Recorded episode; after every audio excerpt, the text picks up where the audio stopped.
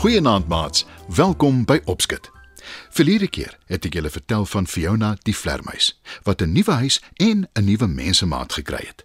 Vanaand se storie is ook oor 'n vlermuis, maar dis heeltemal anders. Dis 'n legende uit Afrika. Eenmal, lank, lank gelede, was daar 'n bosrot met die naam Legotlo. Legotlo het 'n goeie vriend, Mamantwane, die vlermuis. Die twee van hulle is altyd saam en hulle kom goed oor die weg. Maar daar's ongelukkig een probleem. Mamantwane, die vlermuis, is jaloers op Legotlo. Legotlo het baie ander vriende ook en almal hou meer van hom as van die vlermuis. Legotlo het ook 'n vrou wat baie lief is vir hom en die vlermuis is jaloers op al hierdie dinge. Want voel hy, Legotlo het soveel meer as hy en dis nie regverdig nie. Legotlo en Mamantwane eet altyd saam. Hulle maak beurte en wanneer die vlermuis kook, is die kos altyd heerlik. Hoe kry jy dit reg om sulke lekker sop te maak? Vra die bosrot gereeld. Ek kook myself altyd eers so 'n bietjie in die water. En my vleis is soet. Dis wat die sop so lekker maak. verduidelik die vlermuis. Maar hy jok natuurlik, want wie op aarde dompel homself in kookwater sonder om iets oor te kom? Die slinkse Mamantwane bied selfs aan om vir die bosrot te wys hoe hy dit doen. Hy gaan haal 'n pot water wat nie warm genoeg is om enige iemand te brand nie. Legotlo hou hom groot oog dop. Hy sê niks nie, maar hy glo nie regtig wat hy sien nie. Moenie so bang lyk nie. Die water is wel kokend warm en dit brand so 'n bietjie. Maar dis oor en oor die moeite werd. Jy het self gesê my sop is heerlik. sê die vlermuis. Toe spring Mamantwane in die pot en spring vinnig weer uit.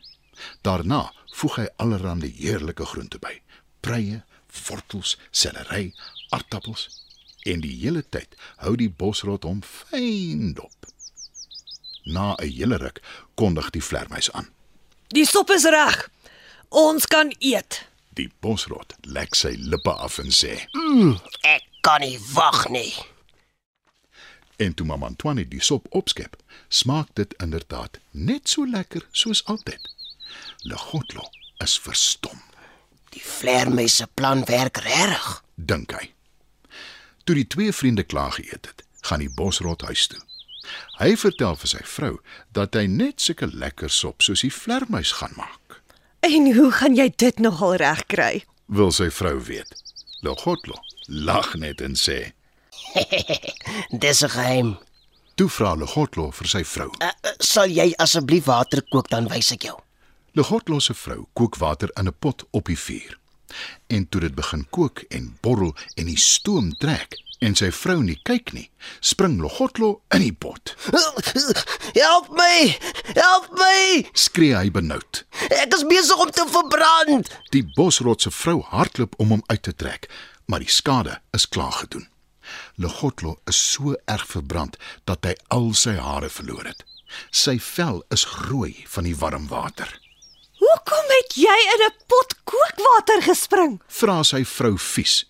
Die arme verbrande bosrot laat sak sy kop en sê skaam. Mamma Twane het gesê dis wat sy sop so lekker maak. Toe Legotlo se vrou na hom kyk en sien hoe seer hy gekry het, begin sy huil. Sy vat hom na hulle sangoma toe, maar die sangoma kan nie help nie, Sy hare sal gelukkig nooit weer groei nie. sê sy. Toe Legotlo se vrou die hartseer nuus hoor, word sy baie kwaad. Sy gaan meld die saak by die koning en die koningin aan. Hulle beveel al die mense van die dorp om die vlermuis te soek sodat hy gestraf kan word. Maar Mamtwane het gehoor wat aangaan en kruip in die bos weg. Die mense van die dorp soek en soek, maar hulle kan hom nêrens kry nie. Die volgende dag gaan die mense van die dorp toe wel na die bos toe om te sien of hulle Mamantwane daar kan kry. En hulle is reg. Mamantwane kruip weg in 'n boom. Hulle wag tot hy slaap. Vang hom en vat hom reguit na die koning en koningin toe. Toe hulle by die koninklike huis aankom, is Legotlo en sy vrou klaar daar. Mamantwane is skaam om sy vriend Logotlo in die oë te kyk. Hoekom het jy dit aan my gedoen? Ons was nog altyd beste vriende. Sê Logotlo vir die vlermuis. Omdat ek jaloers is op jou. Antwoord Mamantwane. Jy het alles wat ek nie het nie. Almal is lief vir jou. En hulle hou niks van my nie. Die mense van die dorp is geskok oor Mamantwane se antwoord. Hulle wonder waarom Mamantwane nie net vir sy vriend gevra het hoe hy dit regkry dat almal lief is vir hom nie. Toe sê die koning: Wel, jy het sopas vir almal 'n rede gegee om nou nog minder van jou te hou. Die koning en die koningin beveel die wagte om Mamantwane in die tronk te gooi. Die koningin sê: Vandag sluit ons jou toe. Ons sal môre besluit hoe om jou te straf.